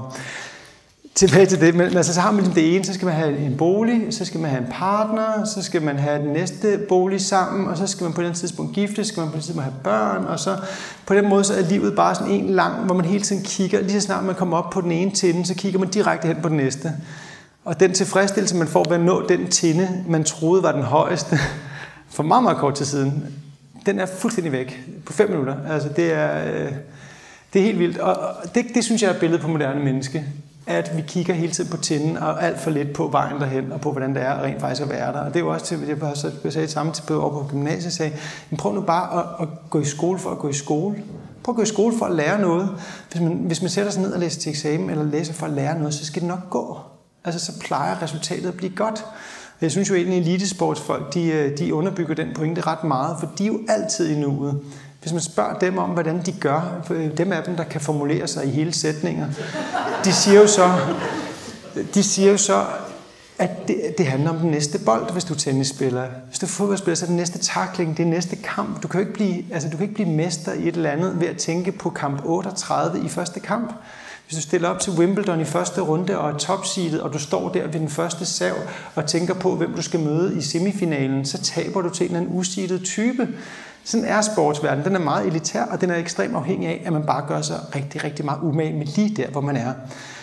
Hvis, hvis man formåede, og det er en meget, meget stor og meget, meget vanskelig opgave, som zen-buddhisterne ville være vilde med, at man gjorde, at overføre den omsorg og det nærvær og det fokus til alle øjeblikke af sit liv, så man ligesom gjorde alting så godt man kunne. Ikke som sådan en stress, men som sådan en kærlighed til det faktisk eksisterende øjeblik så tror jeg på, med stoikerne og med zen i hånden, at man har en meget, meget direkte vej til, om ikke lykkes, i hvert fald noget, der kommer meget tæt på. zen har sådan et begreb, de siger, at man udtrykker hele sin karakter i hver handling, man gør. Altså, at vi lever fra nu til nu, det vil sige, at det du gør lige nu, det er den du er. Så det der med at sådan sløse med den ene hånd, og så gøre det godt tre dage senere, når din chef kigger, den måde tæller ikke. Øh, man gør sig umage hele tiden. Ikke som sådan et pres, men som sådan en, en i virkeligheden, hvis man skal sådan sætte det på sådan lidt, øh, måske en, en kærlig, men måske en selvkærlig måde at være i verden på, at man simpelthen synes, man fortjener at gøre sig umage, når nu man gør det. Hvis man gør et eller andet, så må man gøre det ordentligt. Uh, som en af mine studiekammerater godt kunne lide at sige, if you're gonna be a monkey, be a fucking gorilla. Altså, hvis du gerne gør det, så, så gør det ordentligt. Det synes jeg, der der, der har meget at sige for sig. Uh, og det er ekstremt svært at gøre, det er jo ekstremt meget med, med vaner og alle mulige andre ting, men, men jeg kan godt lide tanken om, at når, også når man vasker op hjemme hos sig selv, at så gør man det ordentligt. Jeg har også en billede af det der med, at jeg synes, det er så mærkeligt, at hvor, hvor meget vi gør rent og rydder op, når vi får gæster. Jeg har tænkt virkelig meget over, hvad det er, vi siger til os selv der. Om det er fint nok, at jeg selv går rundt og lever lidt i noget råd og noget snavs. Men den der person, jeg ser en gang hver halve år, de skal da virkelig, de har da fortjent bedre. Jeg synes, det er en mega mærkelig måde at være i verden på. Jeg har tænkt rigtig meget over det. Det lyder sådan lidt øh, rengøringsanalt, men altså... Men, men, men, men hvor, hvorfor skulle jeg da ikke selv fortjene det til hverdag, som, som de andre får i to timer, hvor de ikke lægger mærke til det alligevel? Det er da vildt mærkeligt. Og det kan man altså, det tror jeg bare sådan en... Øh, det er jo, og det var jo igen også det der med at på kontrolsvand, det er jo at leve indre styret i stedet for yderstyret. Altså hvis jeg ønsker at gøre det godt, så ønsker jeg at gøre det godt for mig selv til alle tider. Både når jeg er alene, og når der er gæster fordi det synes jeg rent faktisk, jeg fortjener. Det, øh, det kan jeg godt lide, den tanke. I bogen kalder det også, øh, øh, det eneste til bidrag, jeg har lavet til filosofiske øh, verden, det er det, jeg kalder Søren Lærby-princippet i bogen. Og det er jo efter den danske landsholdsspiller fra 80'erne, Søren Lærby. Øh, de her, der kan huske ham og kan, kender fodbold, elskede ham måske lidt ligesom jeg gjorde. Altid uden benskinner eller læste jeg faktisk en bog for nylig, med, øh, da man begyndte at skulle spille med benskinner, så spillede han med pixiebøger tapet om skinnerne, for der er ikke noget, der skulle forstyrre ham. Og så samtidig var han sådan en spiller, som enormt godt kunne lide at takle meget, meget hårdt. Øh, altså det ved, sætte sit eget liv og førlighed på spil, øh, for, at, for at være en rigtig mand i, øh, i sådan en klassisk gammeldags forstand. Nå, men øh, ja, det var måske rigtig kedeligt, for jeg ikke godt kunne lide fodbold, men det var rart for mig. Hvad hedder det? Øh, Nej, men han formulerede på et tidspunkt en læresætning, som er, at du er aldrig bedre end din sidste kamp. Og øh, hvis man overfører det til livet ved helhed, så vil sige, at du er aldrig bedre end din sidste handling. Så det nytter ikke noget, du gjorde noget sødt i går, og du er så en idiot i dag. Eller, det, det kan godt være, det nytter, men du er ikke bedre end det, du gør lige nu. Ja, det, det er på linje med sendbuddhisten også, du er det, du gør lige nu. Så vi kan ikke ligesom gå og sætte gode handlinger i banken, og så forvente, at vi får, får tilbage. Nej, vi må ligesom forpligte os øjeblik for øjeblik, det bliver vi til det menneske, vi nu engang er. Øh, igen, lidt ligesom det første princip, det er jo også noget, der kan føles som et pres, men det er jo også noget, der kan føles lidt befriende, fordi når vi mennesker så fejler, som vi konstant og hele tiden gør, øh, nogle af os mere end andre, øh, så er vi jo heller ikke det. Så var det jo bare det, vi var lige før, og så kan vi ligesom prøve at blive til noget andet igen lige bagefter. Øh, og det er ikke fordi, jeg synes, at man bare skal være helt ligeglad med fortiden og sådan noget, men, men det, det giver også en anden frihed i forhold til at agere og, og prøve at være som, som det, man ønsker, at, at man er. Så det var princip 2, succes er at gøre det rigtige. Den tredje forlængelse, eller den næste forlængelse fra, fra det første princip, det var at fokusere på det kontrollere. Succes er at gøre det rigtige. Det er jo så, hvordan gør man så det rigtige mest muligt af tiden, eller det, man synes er det rigtige. Og det er så det tredje princip, selvdisciplin gør dig fri. Øh, selvdisciplin er jo virkelig, øh, synes jeg, lidt øh, tørt og lidt sådan almodisk måske begreb. Det er jo sådan noget, man, man rigtig gerne vil slippe for at høre fra nogle voksne autoriteter, øh, når man er teenager for eksempel. Øhm, men, men på en eller anden måde øh, begynder jeg mere og mere, som jeg bliver ældre, og tænker mere over det. Jeg synes, der er noget smukt over det, fordi det er jo den måde, vi gør det i dag, som vi synes, vi gerne ville have gjort om et år. Altså, at, at vi ligesom udsætter det, som er det, vi har allermest lyst til at gøre lige nu, for der, hvor vi har lyst til at være på et andet tidspunkt.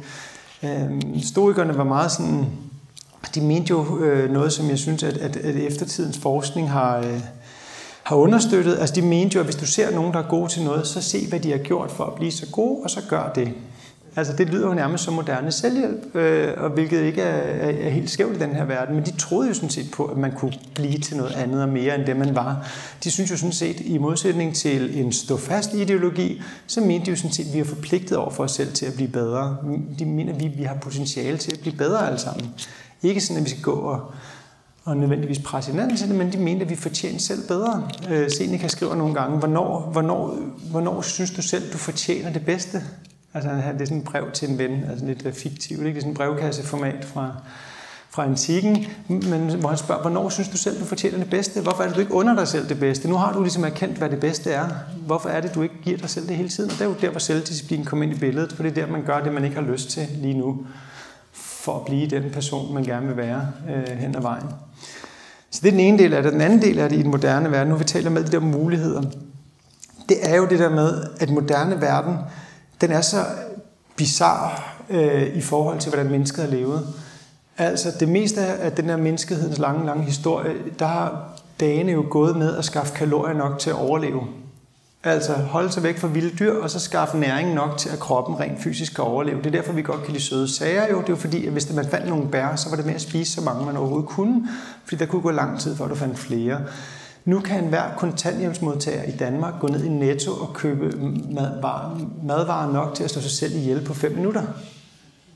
Altså, du ved, det koster ikke mange hundrede kroner at købe de arveste fødevarer dernede fra, og så spise noget køkkensalt, og, og du ved, altså, muligheden for at få alt for meget, den er, den er bare opstået lige pludselig. Øh, så det gør jo, at de fleste af os kan jo håndtere det på en eller anden måde, øh, men det gør jo, at ens selvdisciplin der sætter grænserne for, hvad man indtager. Det er ikke ens muligheder. Det er meget, meget billigt at købe slik og dårlige fødevarer. Øh, det er jo selvdisciplinen, der gør, at man engang imellem også gør noget andet. Fordi man har så efterhånden har forstået, at det er nok bedre på lang sigt, at man ikke kun gør det, man har allermest lyst til lige nu, fordi det er bare ikke så smart at leve af kriser og rødvin i hele tiden. Lørdag aften måske, hele tiden måske ikke. Den anden del af det, det er jo tilbage til teknologien, som jeg nævnte til at starte med de der fuldstændig uendelige muligheder, der er for at søge information, for at blive underholdt, det er jo også på en eller anden måde en møllesten af vores hals. Fordi der, man kan, i den gamle verden, den, den gamle verden havde jo en afslutning. Altså forstået på den måde, at et tv-signal, det stoppede jo kl. 23 et eller andet. Så var der den der mærkelige jeg ved ikke, hvad det hedder, men de mærkelige farver og mønstre der, og, og først en hyletone, så tror jeg, de lagde radio på lidt senere, men hvor tiden bare stod der og kiggede, så var der bare ikke mere tv. Og så er det jo nærliggende at lægge sig til at sove, når man i forvejen også måske var lidt træt, efter at sidde sit genudsendelse af et eller andet engelsk dårligt tv-show, fordi man bare så det nogle gange var på DR1. Den moderne verden er jo øh, den mest diametrale modsætning, man kan forestille sig. Der findes relativt meget materiale på YouTube lige nu. Altså rigtig meget. Der bliver uploadet 500 nye timers materiale hver minut. altså, man kan ikke gennemføre YouTube.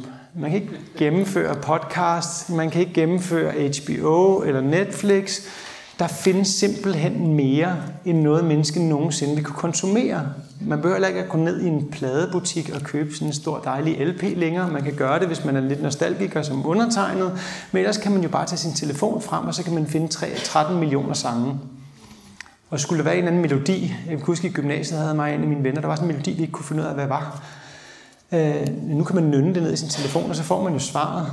Altså det, det, der, der kunne man bare gå fem år ikke at vide det, før man tilfældigvis hørte den i radioen. Sådan var det jo. Øh, men det betyder jo også, at øh, vi, vi på en eller anden måde, de der naturlige begrænsninger, som der har været for os indtil videre, de er jo ophævet igen. Nu har teknologien ophævet den begrænsning i forhold til, hvordan vi kan underholde os og søge, og søge information.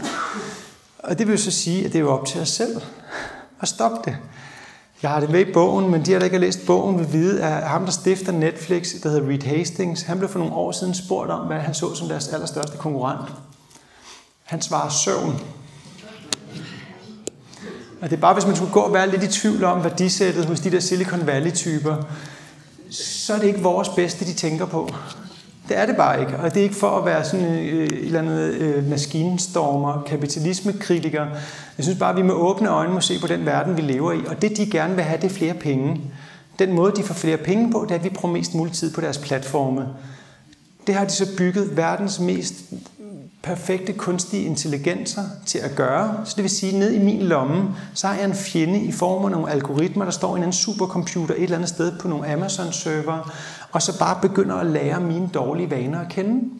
Hvis jeg scroller lidt langsommere på fodboldnyheder om bestemt hold, så kommer der flere nyheder af det mit feed.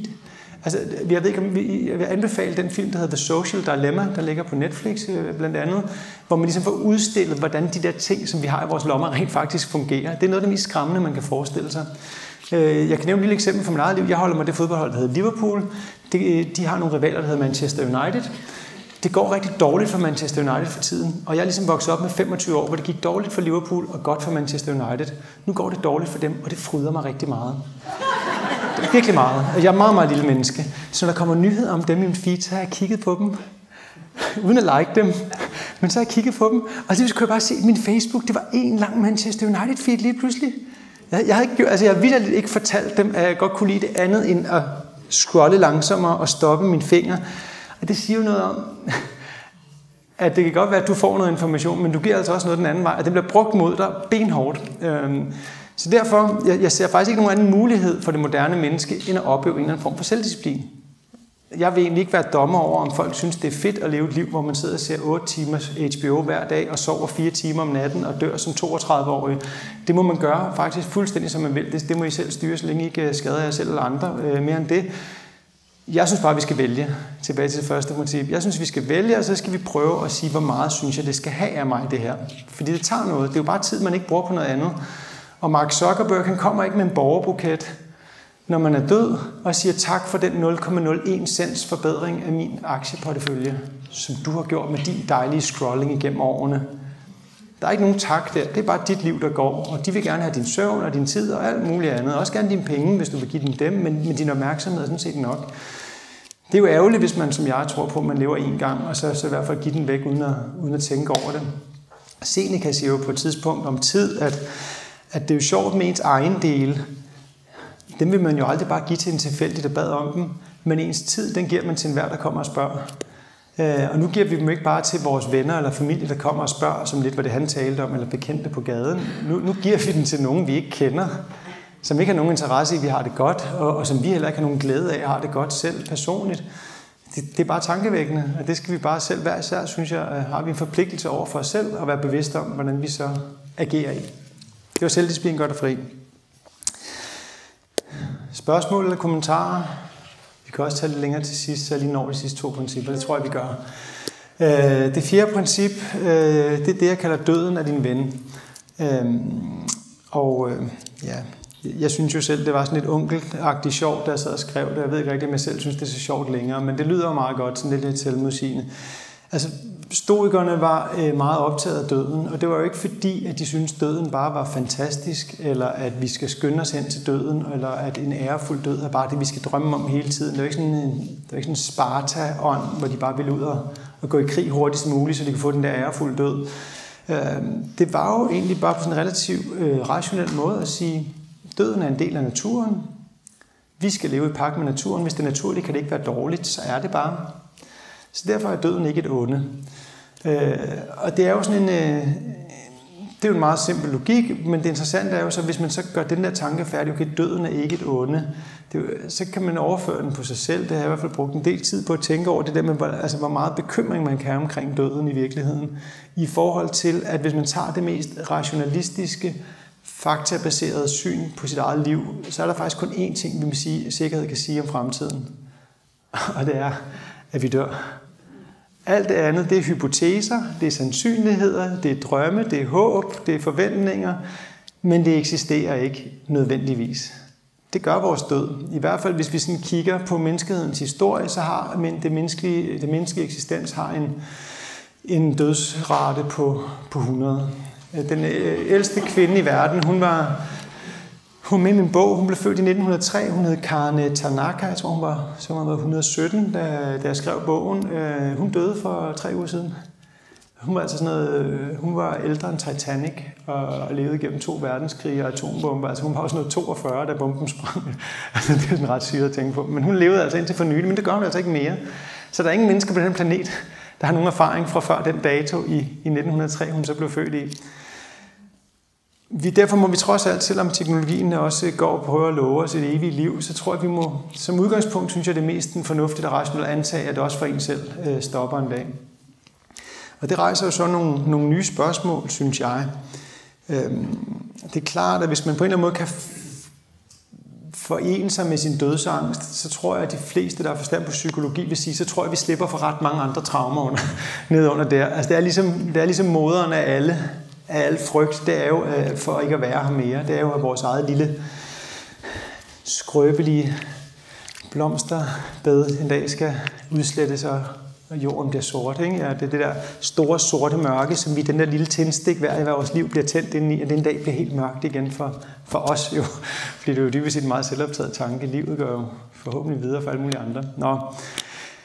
Men hvis man ser sådan på det, jeg kan godt lide, altså for at jeg synes jo, det er svært at gøre det konkret, de der ting. Jeg har sådan et konkret billede, jeg selv bruger for tiden, øh, for at prøve at, at ligesom internalisere de her tanker, så det ikke bare bliver noget, jeg er god til at stå og sige, når jeg snakker for, for en masse søde mennesker, men også er noget, jeg rent faktisk prøver at leve efter selv.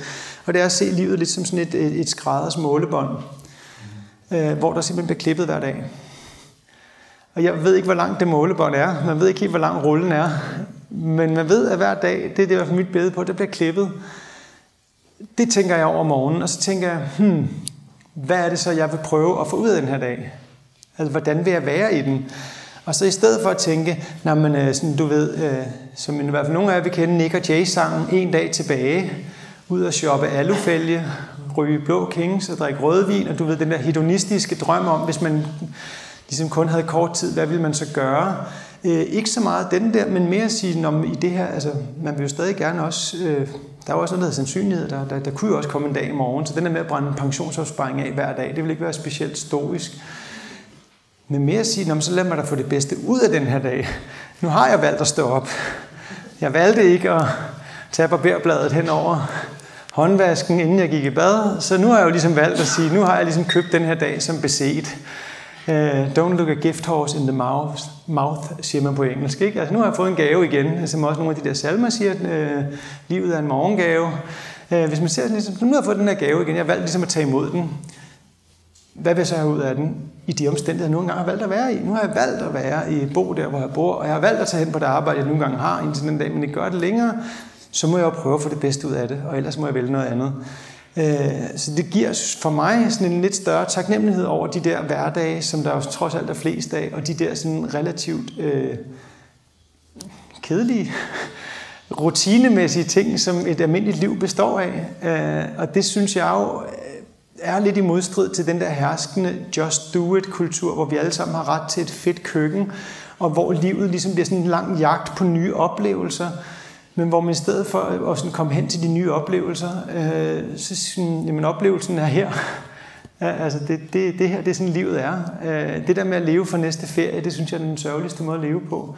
Øh, jeg, jeg synes, det er fornuftigt at leve for den næste, næste dag, og så, så prøve at gøre den god, så kan man se igen i morgen. Tit, øh, så kan man jo gå i, nogle gange går man i seng dårligt, humør, når man står op, men så, så kan det hjælpe at sove, det gør det i hvert fald for mig. Øhm, og så, så får man ligesom mulighed for at prøve igen, hvis man er heldig. Og det er jo ikke givet. En eller anden dag får man jo ikke flere muligheder.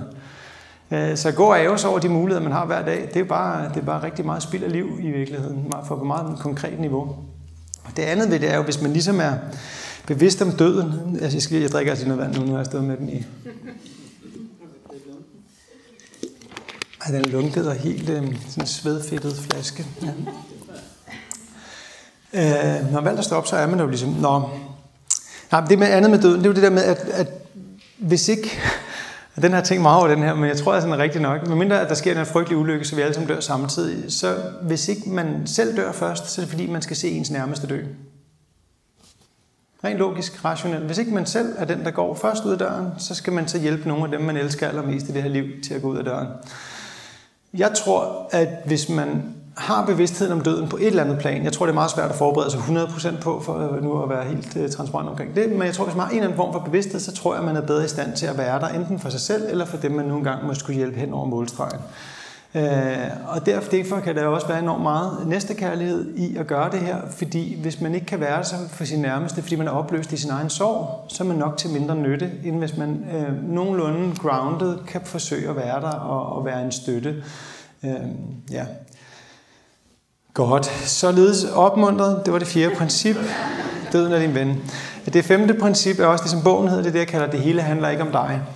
Øh, og det er jo også der, hvor man virkelig synes, man selv er sjov, når man sidder en anden morgentime i et Microsoft Word-dokument og synes, nu har man knækket den.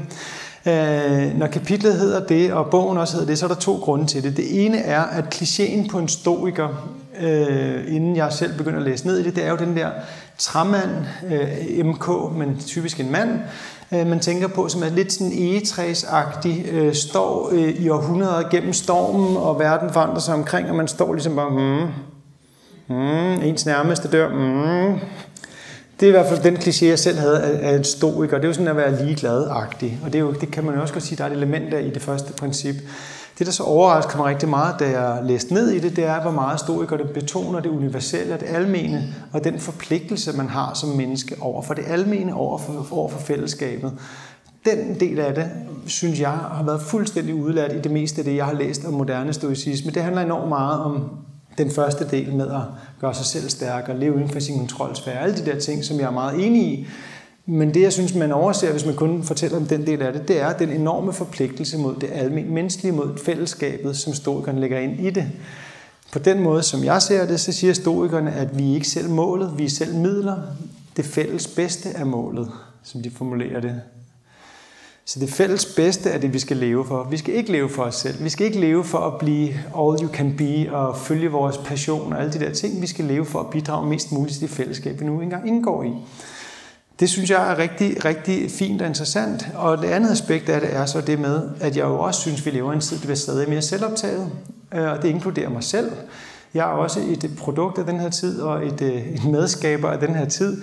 Men hele ideen om det med medier Altså det der med, at man havde i gamle dage, var medier nogle professionelt uddannede mennesker, der gik på arbejde. Det var journalister, der gik ud i verden for at forstå, hvordan verden hang sammen. Så gik de hjem og brugte deres arbejdstid på at formulere det på en eller anden format, for andre kunne læse om, hvordan verden hang sammen. Så kunne man enten læse morgenavisen, man kunne lytte til radioavisen kl. 12, hvor det ringede og bimlede og bamlede med klokker i fem minutters tid, eller hvad der føltes som evigheder, der var barn i min morfars køkken ude i Skovlunde. Eller også så kunne man se TV-avisen om aftenen, og så var det ligesom det. Det var medierne. Nu har moderne mennesker 3, 4, 5 medier, hvor hovedemnet er sig selv. Det har man. En Facebook-konto, en Twitter-profil, en Instagram-konto, en LinkedIn, rend mig i røven, alt muligt. Undskyld, nu bandet igen den anden gang. Det er det laveste, jeg var på i den her, det her halve år, men øh, jeg må alligevel føre noget noter i aften. Nå. Nej, men altså, du ved, vi har 4-5 medier, og også mennesker, der agerer i den her moderne medievirkelighed, som handler om os selv. Og jeg tror, at hvis man tror, at man ikke bliver en lille smule forskroet af det, selvom man godt ved, det er forskroet, så tror jeg, at man lyver for sig selv. For det er jo et verdensbillede, som ligesom er centreret om sig selv. Man kan jo også se det i det der, som der er betalt så meget, men som er jo stadig interessant nok at observere, øh, altså hele selfie-kulturen. Der er jo flere mennesker, der dør globalt af selfies i, om året, end af hajangreb. Det er folk, der falder ned fra klipper, fordi de er travlt med at tage billeder af sig selv der, hvor de er. Det, det, det, det er rigtigt. Altså, det, altså selvoptagethed slår dig ihjel. Øhm, og det er jo sådan, det, det, det moderne verden er også blevet sådan, at på den ene side hungrer vi efter det unikke oplevelser, og på den anden side, så kan vi hen og se Taj Mahal eller pyramiderne, men vi er ligesom ikke tilfredse med at se på dem. Vi tror først rigtigt, de findes, hvis vi kan få et billede af dem med os selv på. Det er det der vandmærke, vi så sender ud i verden, for nu findes Taj Mahal. Al den tid, det har stået der, det har bare stået og ventet på, at jeg kom forbi og tog mit ene billede af det, og kunne uploade det et sted, så har jeg haft en unik oplevelse, som hele verden skal kende til. Det er en meget forskruet kultur. Det synes jeg ikke, man kan løbe fra. Og, og, og, og, og det påvirker den kultur, man er i. Det er jo ligesom det vand, vi alle sammen svømmer i. Det selvfølgelig påvirker det alt muligt omkring os. Marketingkulturen, alle de ting, vi bliver eksponeret for, det handler ekstremt meget om, at vi selv er enormt vigtige hver især. Så derfor synes jeg, det var relevant at tale om, at det hele ikke handler om dig. Fordi problemet ved, at man selv bliver verdens centrum, det er jo også, at ens problemer bliver meget store. Det øjeblik, man glemmer at kigge op og se andre og se andres perspektiv, så er det jo, at meget små problemer kan blive meget, meget store. Det er jo sådan, at man får virkelig selvoptaget forkælede mennesker, og man virkelig gør sig selv meget smerte, tror jeg på, at jo mere du kigger på dig selv og dine problemer, du kan godt kigge så meget ind i navlen, at du ligesom forsvinder så, som individ, og simpelthen bare øh, med, med hovedet op i navlen eller et andet sted på sig selv, lever dit liv og, og, og, og ikke forstår, at hele verden ikke forstår, at det er synd for dig. Sådan kan man godt leve i den moderne verden. Der er vi tilbage til Seneca, som var ham, der sagde, også med slaverne der, altså, vi skal jo se hinanden, vi er en del af en større slægt. Marcus Aurelius formulerer det sådan, at når du ser gerningsmanden i øjnene, så husk, at han er dit blod, dit sæd. Det var ikke sådan en, lyder som en kriminaldrama på DR1 med blod og sæd og sådan Det er ikke det, det handler om, men det ved, at vi kommer af det samme stamme, vi er det samme familie. De, samme, de moderne evolutionsbiologer, de siger jo sådan set det samme. Det er en af de mest velansete øh, evolutionære teorier, at vi alle sammen nedstammer fra genmutation hos en chimpanse på et tidspunkt i historien. Altså der findes vores allesammens tip-tip-tip-oldemor. Hun har eksisteret rent konkret som en abe. Måske. Der er også nogle andre teorier, men altså, alt andet livet kommer også fra et sted nede i vandet. Under omstændigheder, hvis vi går langt nok tilbage, så er vi ligesom i familie sammen. Hvis vi tør gå lidt på tværs af arter også, og være lidt øh, moderne og pan art seksuelle, hvad fanden det hedder. Nå. Hvad hedder det? Nej, så, så det der med, at vi er en del af noget større end os selv, vi er en del af et fællesskab, og det, det er der faktisk noget enormt befriende over. Jeg, jeg, jeg prøver selv at praktisere det med, med selvfølgelig svingende held som alt andet, men der er noget rart på et arbejde også, hvor man tit mødes i kraft af sin jobfunktion. Hvis man rent faktisk prøver at se mennesket først, og huske, at der også sidder et menneske, der har en jobfunktion, så er det faktisk som om, at tingene glider lidt lettere. Hvis man også, når man ser en eller anden sur buschauffør, så kan man også tænke, der sidder faktisk også et menneske, der er en buschauffør. Du ved ikke, hvad det menneske går igennem lige nu, der gør, at det menneske er surt. Så i stedet for, at du ligesom får det hele til at handle om dig, og sige, at det er også synd for mig, at jeg havde en sur buschauffør. Du, du ved da ikke, om øh, han, hans kone lige har fået en kraftdiagnose, eller hvad der er. Du, ved, du aner ikke noget, og det handler slet ikke nødvendigvis om dig. Det kan man jo også finde ud af i sådan konflikter, både privat og på arbejde. Finde ud af, at man går og tror alt muligt, fordi nogen er et eller andet. Nå, det var derfor, okay, din søn er lige kommet i specialskole. Det var ikke, fordi du var sur på mig. Øh, nej, det hele handler ikke om dig andre mennesker, som jeg også skriver i bogen, altså man kan, indtil man har en vis alder, så tror man jo hele verden er ligesom sådan en western-kulisse, de der gamle, de der gamle træ, man satte op der, så tror man jo, at, at, der, at verden kun findes, fordi man lige selv er i den. Og en del af det en normal sådan, socialiseringsproces for et menneske, det er jo så at finde ud af, nej, de andre er faktisk lige så meget mennesker som mig. Øh, nej, jeg har ikke mere ret til det største stykke kage, end de andre har. Det er jo det, som børn forhåbentlig lærer undervejs, fordi der er nogle naturlige autoriteter, der hjælper dem. Men det er bare som om, vi er civilisationsmæssigt så er vi gået lidt tilbage igen fra den der, hvor vi alle sammen synes, vi skal have et største stykke kage. Den danske køkultur oplever heller ikke sådan noget, der bliver bedre med årene, men jeg ved ikke, om det er bare mig, der vil blive gammel, eller ser det mere. Men altså sådan jagten på at komme ind og få en plads i toget om morgenen, den kan godt være ret uværdig, synes jeg, at se på, når man tænker på, at det er sådan velbjergede funktionærer, der, der, der simpelthen er klar til at gå på kompromis med, med deres egen værdighed for lige at vinde en plads i toget. Og det vil stå og sige, det er aldrig det værd. Seneca sagde, han var jo også en erhvervsmand, han sagde jo, jeg lader ikke en denar komme ind i, mit, ind i min husholdning, som ikke er tjent på ærlig vis. Og det er jo også, at man skal leve sit liv. Lad ikke en handling ligesom komme ind i mit liv, som ikke er ordentlig. fordi det er bare ikke det værd. Altså, du, du vil da hellere miste pladsen i toget, og så have din værdighed. Øh, nå, men øh, det, det var lidt et sidespor, men det er jo tilbage til det med, at vi er ikke vigtigere end de andre. De andre er lige så vigtige som os. Det nytter ikke det der med at løbe hen til supermarkedskøen og alle de der ting. Lad os nu bare droppe det. Ligesom erkende, at alle folk har noget, de skal nå. Det, det går nok alt sammen. Det er jo også en anden måde at se det på. Det er jo også det der med, at man har sådan en tendens, øh, som sådan en overlevelsesstrategi, kan man have det der, når man hører om et biluheld på motorvejen, så tænker man, det sker ikke for mig. Altså hver morgen på Øde kørte jeg bil på arbejde, og der er jo biluheld i den københavnske morgentrafik i Storkøbenhavn hver morgen. Der sidder jo mennesker, der er lemlæstet eller døde eller et eller andet, eller du ved ikke kan gå, alle mulige alvorlige ting hver morgen, men vi ignorerer det ligesom bare, vi synes, det er det værd for at komme på arbejde på den måde. Men der, der tænker man normalt, det, det sker ikke for mig, men jeg er mere, det sker for mig. Så det er jo meget, hvis det kan ske for andre, kan det også ske for dig.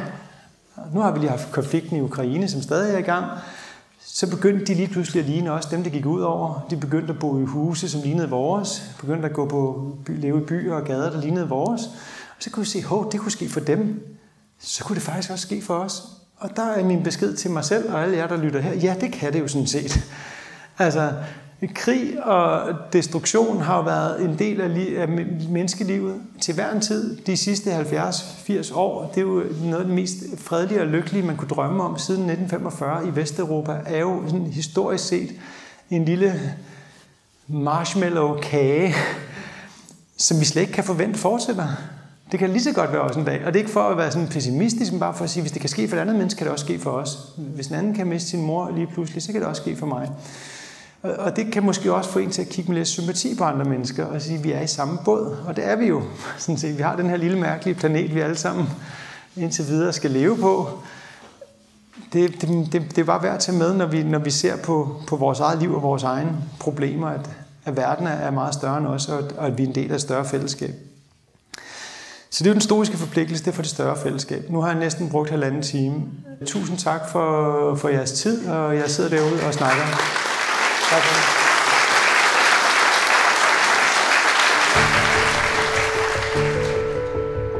Du har lyttet til et arrangement optaget på Gentofte Hovedbibliotek torsdag den 16. juni 2022. Husk, at du kan finde mange flere podcast på vores hjemmeside. Vi lyttes.